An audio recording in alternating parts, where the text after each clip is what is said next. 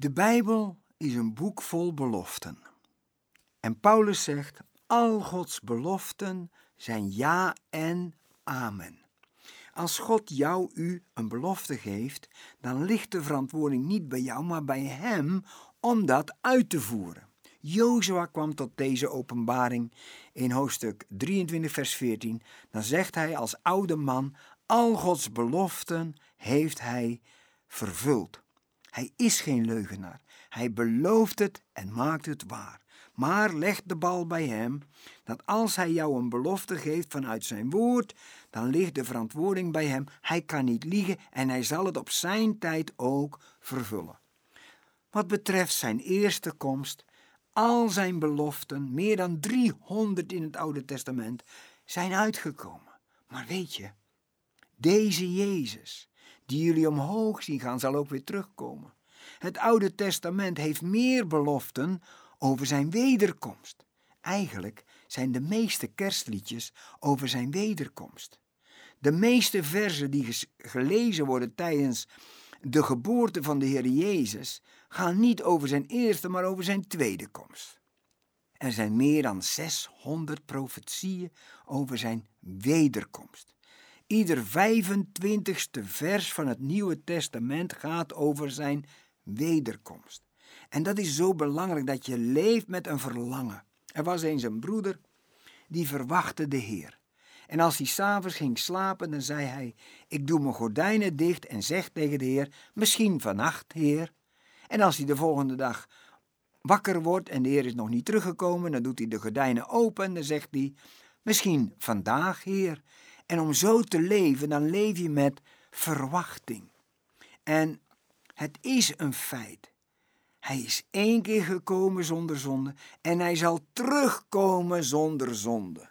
De opstanding is het begin van hetgene dat hij alles nieuw zal maken. En als hij dan terugkomt, dan komt hij als de rechter. Er staat in Handelingen 17, vers 31.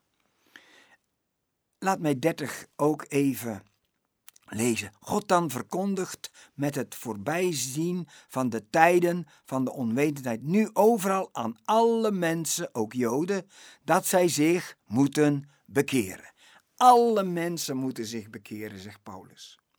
En wel omdat hij een dag vastgesteld heeft waarop hij de wereld rechtvaardig zal oordelen door één man die hij daartoe aangesteld heeft. Daarvan heeft hij aan allen het bewijs geleverd door hem uit de doden te doen opstaan.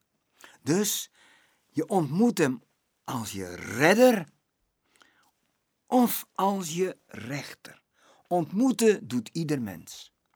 Als je hem vandaag aanvaardt, dan ontvang je hem als de heiland van de wereld, als de redder van jouw zonde en mag je voor eeuwig bij Hem leven. Maar als je Hem afwijst, ontmoet je Hem ook. Als de rechter, dat heeft een eeuwigheid voor ogen, zonder Hem. Dus maak je keuze. Hij komt terug. Hij komt terug als de rechter. En ontmoeten doet ieder mens, want er staat in Filippenzen: iedere knie zal zich buigen. Zelfs Satan zal buigen. Alle ongelovigen zullen buigen voor de Heer Jezus. Aan ons de keuze. Nu we weten dat Hij terugkomt. De Bijbel spreekt ervan. Wij verwachten Hem. Wij zien er naar uit. Maar als Hij terugkomt, dan komt Hij om Zijn vrederijk hier op aarde te plaatsen. Dan is er geen democratie, maar theocratie. Dan, zoals Jezaja 2, dan worden al dat oorlogsgetuig, dat wordt omgesmeed. Dan zullen de oude en de jonge spelen op de pleinen van Jeruzalem. Dan zal de leeuw met het lam verkeren. Al die beloften zullen vervuld worden. Dat ligt allemaal in de toekomst, maar wij mogen dat en moeten dat nu al in geloof omhelzen. Want hij kan niet liegen. En alles is nog niet vervuld. En als wij geloven in het verleden waarin we de vervulling van zijn eerste komst zien, moeten wij ook de toekomst geloven met profetieën en beloften die nog vervuld zullen worden. Hij komt terug. De orde van de oude dingen zal eens voorbij zijn. Hij zal de tranen van onze ogen afwissen. De dood zal er niet meer zijn. Hij zal alles nieuw maken. Zelfs de schepping zal hij nieuw maken. Maar hij komt ook terug als de rechter. En daarom ook, omhels hem als je redder. Als jij onder het gericht komt, dan is dat vreselijk. En dat moet ik ook eerlijk zeggen. Er staat dat het lam toornt. De toren van het lam staat in openbaring. En als je onder zijn toren komt, kijk, dat is niet de karaktertrek van een lam. Maar er is een limiet. En hij is heilig.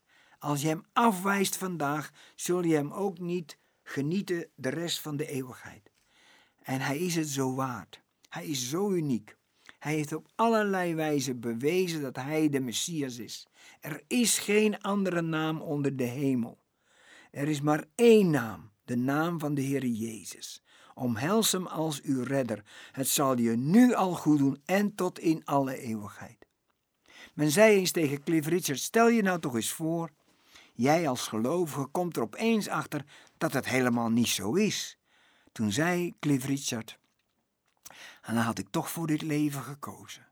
Want dit leven heeft mij zoveel inhoud gegeven, heeft mij zoveel rijkdom gegeven, heeft mij zoveel vreugde gegeven. En daarom ook, het is waar. Hij komt terug als de rechter. Omhels hem vandaag als je redder en leef uit geloof, verwachtende zijn komst en zijn herstel in deze hele wereld. De Heer Jezus is 100% mens. De Heer Jezus is 100% God. In Johannes staat, in het begin was het woord, het woord was bij God en het woord was God. Dus hij is zowel bij God als dat hij God is. Dat is belangrijk. Dat wij in gaan zien dat God één is en God is drie. In Genesis, in de beginnen schiep God de hemel en de aarde en de geest van God broedde over de aarde, zweefde over de aarde. Je hebt God de Vader, je hebt God de Zoon, je hebt God de Heilige Geest. En de Vader is een persoon, de Zoon is een persoon, de Heilige Geest is een persoon. Van deze drie is de nederige, zelfde positie, de Heilige Geest. De functie van de Heilige Geest is altijd om te wijzen op de Heilige Zoon. Dat zien we bij die geschiedenis van Abraham die zijn knecht erop uitstuurt om een bruid te zoeken voor zijn zoon, geliefde zoon, door de geest geboren, Isaac. De knecht gaat op zoek, vraagt een teken en vindt het meisje dat ook zijn kamelen water geeft. En dat meisje besluit: ik zal gaan. Dat meisje heeft de toekomstige bruidegom nog nooit gezien, maar wel de knecht met zijn geschenken. Op het moment dat het meisje Rebecca Isaac ziet, is de taak van de knecht voorbij. En dat is het werk van de Heilige Geest, om de bruid bij de bruidegom te brengen. En dat is onze toekomst. Wij zullen als gemeente eens een reine bruid zijn. En in de toekomst wacht ons een bruiloft. Een feest. Weet je wat ik zo bemoedigend vind? Toen de verloren zoon thuis kwam, ontving hij vergeving en begonnen ze een feest. Er staat nergens in de Bijbel dat dat feest ooit is opgehouden. Het leven als christen is geen begrafenis, het is een feest. Iedere dag is het een feest. En we gaan naar een feest. En wij zullen eens een reine bruid zijn. En wij zullen precies passen bij de bruidegom. Een prachtig beeld vinden we ook bij Rut. Rut was een Moabitische. Rut was een buitenlandse. Maar Rut kwam op het juiste veld, ontmoette de juiste persoon. Maar ze was niet tevreden met de randjes van het veld. Ze was niet tevreden om te liggen aan zijn voeten. Haar verlangen was om naast hem te staan als zijn bruid. En dat is ook gebeurd. Weet je, als je deze positie aanneemt als tweede Eva, die voor Adam en en was, en zijn lichaam en zijn bruid, dan weet je dat je net zo rijk bent als de bruidegom. En dat vertelt de Heer ook. Nu wij leven met dat feest, mogen wij weten dat alles van Hem, van ons is. Hij heeft ons dan ook gezegend met alle geestelijke zegeningen. Wij hebben de totale Godheid in ons hart. God is één. En God is ook drie. De mens is één. De mens is ook drie. Want in 1 Thessalonicense 5 vers 23 staat, wij zijn geest, ziel en lichaam. Het is een mysterie, maar omhels het in het geloof en je raakt nooit verward. Een teken aan de deuren van het Joodse volk is de mezuzah. En daar staat de letter van God. Eén verticale lijn, één horizontale lijn met drie verticale lijnen. Dat is de letter Shin. Eén horizontale en drie gaan er omhoog. En als je mooi hebt, staat op alle drie een kroontje. Zo is onze God. Zo raak je niet verward. God is één. Sma Israël, Adonai Eloheinu, Adonai Achat. Maar het woord Achat is eenheid. Die twee man en vrouw zullen één zijn. Blijven twee mensen en toch zijn ze één. Die twaalf stammen zullen één zijn. Twaalf stammen blijven het en toch is het één volk. Dat is het woord Achat. En dat staat in Deuteronom 6, vers 4. En zo uiteindelijk zie je dat er geen jaloezie is bij de Godheid. De Vader, de Zoon en de Heilige Geest. Een prachtig voorbeeld als schaduw is Jozef. Jozef is het zichtbare beeld van de onzichtbare farao. De Heer Jezus is het gezicht van de Heere God. Want de Heer Jezus zegt, wie mij ziet, die heeft de Vader gezien. Uiteindelijk geeft Jozef alles terug aan Farao. En dat gebeurt ook. Uiteindelijk zal God alles in alles zijn. De zoon zal alles aan zijn vader geven. Het werk van de Heilige Geest zal vervuld zijn, want eens zullen wij Hem zien zoals Hij is. Dan is het werk van de Heilige Geest voorbij. Wij zullen die bruiloft vieren. En alles zal teruggaan naar Hem. Alles zal volledig hersteld worden. Hersteld worden met de schepping. Hersteld worden met de dieren. Hersteld worden in deze wereld. Alles wordt nieuw. Het woord nieuw in het Hebreeuws is een werkwoord.